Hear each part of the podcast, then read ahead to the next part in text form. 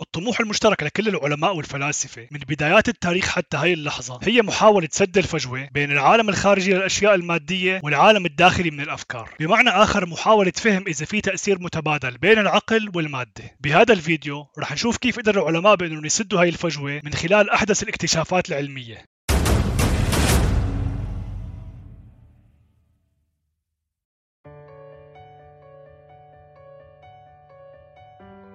كلنا متفقين إنه المادة لها تأثير واضح على العقل. على سبيل المثال إذا أنجب شخص ولد جديد فمن المرجح إنه يمتلك أفكار جديدة متعلقة بتوفير المستقبل المالي للطفل والتخطيط لتكاليف التعليم والرعاية الصحية وغيرها. مثال ثاني على تأثير المادة على العقل هو إنه كيف ممكن شرب الكحول يأثر على طريقة تفكير الشخص. فممكن إنه يكتسب ثقة عالية بالنفس وشعور بامتلاك قوة خارقة أو ممكن إنه يسبب أفكار سلبية وشعور بعدم القدرة على التعامل مع الحياة. واضح من الأمثلة اللي ذكرناها إنه المادة لها تأثير واضح على العقل وهذا الشيء فيه إجماع تقريبا ولكن هل العكس صحيح؟ هل بيملك العقل تأثير على المادة؟ هل ممكن للأفكار أن تأثر على العالم المادي؟ عدد كبير من الأشخاص بيعتقد حتى هاي اللحظة أنه تأثير العقل على المادة محدود جدا أو حتى ممكن ما يكون له تأثير أبدا لنعرف من وين إجا هذا الاعتقاد كيف تغير مع الوقت خلينا نرجع بالتاريخ لأكثر من 400 سنة لورا بالقرن السابع عشر قدم العالم الشهير رينيه ديكارت إسهامات عظيمة بالرياضيات والفلسفة وهو صاحب المقولة الشهيرة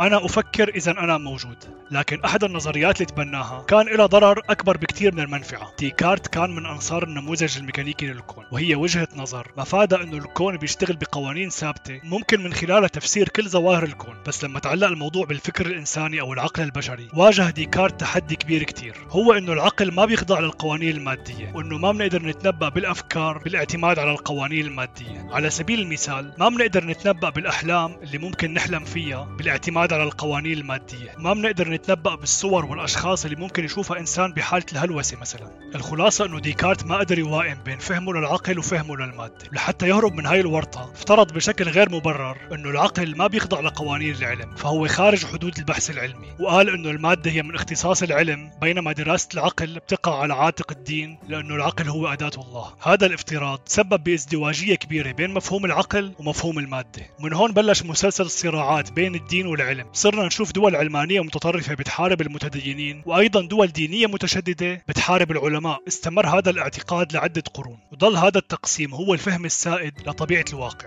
من أبرز العلماء اللي ساهموا بتعزيز وترسيخ المعتقد الديكارتي هو العالم الشهير إسحاق نيوتن. نيوتن مو بس تبنى فهم ديكارت لطبيعة الواقع باعتبار أنه الكون هو آلة ميكانيكية وإنما راح لأبعد من هيك وادعى أنه الإنسان قادر أنه يتنبأ بالأحداث المستقبلية وبأنه يحدد الطرق اللي بيشتغل فيها العالم المادي بالاعتماد على قوانين الفيزياء الكلاسيكية. بالنسبة لنيوتن تعتبر كل الأشياء صلبة والطاقة هي مجرد قوة لتحريك الأجسام أو تغيير الحالة الفيزيائية للمادة. لكن بعد هيك تبين أن الطاقة هي أكبر بكثير من مجرد قوة خارجية وإنما هي مكون رئيسي للوجود المادي وبتستجيب بشكل مباشر للعقل. وتبين أنه البشر هن جزء من مجال واسع غير مرئي من الطاقة واللي بيحتوي على كل الحقائق الممكنة. أنتجت أفكار نيوتن وديكارت. عقلية بتقول أنه طالما أنه الواقع بيشتغل على مبادئ ميكانيكية فالإنسانية ما راح يكون لها أي أثر على النتائج لأنه كل الواقع محدد مسبقا. وهذا بيعني أنه أفعال البشر وأفكارهم عبر التاريخ ما لعبت أي دور بأي تغيير يذكر وأنه الإرادة الحرة للإنسان ما كان لها أي أهمية. لحد هلأ بنلاقي عدد كبير من الأشخاص ما زالوا متأثرين بشكل واعي أو غير واعي بالمعتقد النيوتيني والديكارتي وبيعتبروا أنه البشر هن مو أكثر من ضحايا. فحان الوقت أنه نواجه ديكارت ونيوتن بأفكار جديدة وثورية. العبقري أينشتاين حسم هذا الجدل وأثبت هشاشة النظرية النيوتينية وتوصل لمعادلة الطاقة الشهيرة E تساوي MC تربيع الطاقة بتساوي الكتلة بمربع سرعة الضوء It followed from the special theory of relativity that mass and energy are both are but different manifestations of the same thing. A somewhat unfamiliar conception for the average mind. Furthermore, the equation E is equal mc square, in which energy is put equal to mass multiplied with the square of the velocity of light, showed that very small amount of mass may be converted into a very large amount of energy, and vice versa. The mass and energy were in fact equivalent, according to the formula mentioned above.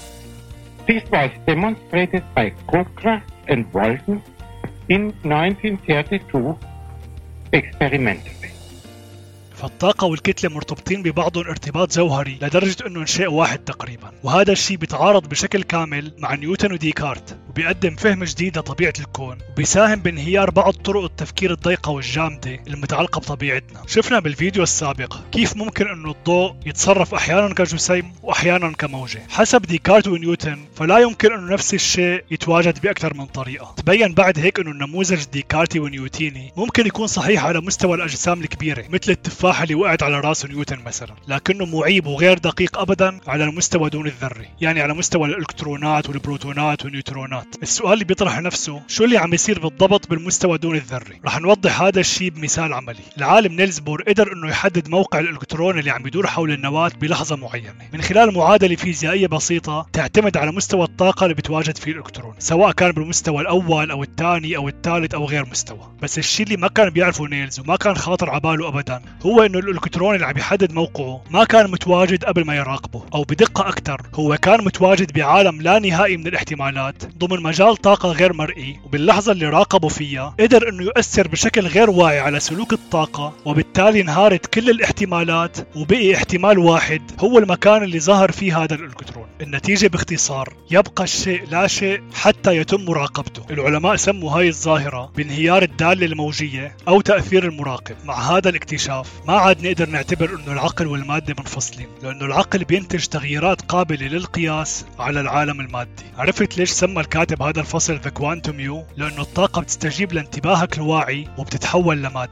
تقدر تتخيل كيف ممكن إنك تغير حياتك بشكل جذري إذا تعلمت إنك تلعب دور المراقب الواعي؟ بالطريقة اللي بتخليك تهدم كل الاحتمالات المتواجدة خارج حدود الزمان والمكان واللي ما بترغب بوجودها بحياتك. بإنك تركز على الاحتمال اللي بدك إياه لتخلق الواقع اللي بتتمناه. لما نآمن بقدرة الأفكار على تغيير الواقع بشكل ملموس فما رح نترك أي مجال لأي فكرة حابين نجربها بإنه تفلت مننا. رح نركز بالتأكيد على اللي بدنا إياه بدل ما ننغمس بالتفكير بمشاكلنا. السبب الرئيسي والجوهري لعدم قدرة الأشخاص على الوصول لأحسن نسخة من حالهم هو إنه لهلأ ما عندهم اعتقاد يقيني بإنه الأفكار لها عواقب كبيرة لدرجة إنها بتخلق الواقع وبإنه أفكارنا بتأثر على حياتنا للأسوأ أو للأفضل. بالفيديو القادم رح نعرض مفاهيم جديدة لطبيعة الواقع بالاعتماد على المعلومات اللي تعلمناها بهذا الفيديو. وكالعادة بتمنى لكم حياة سعيدة. سلام.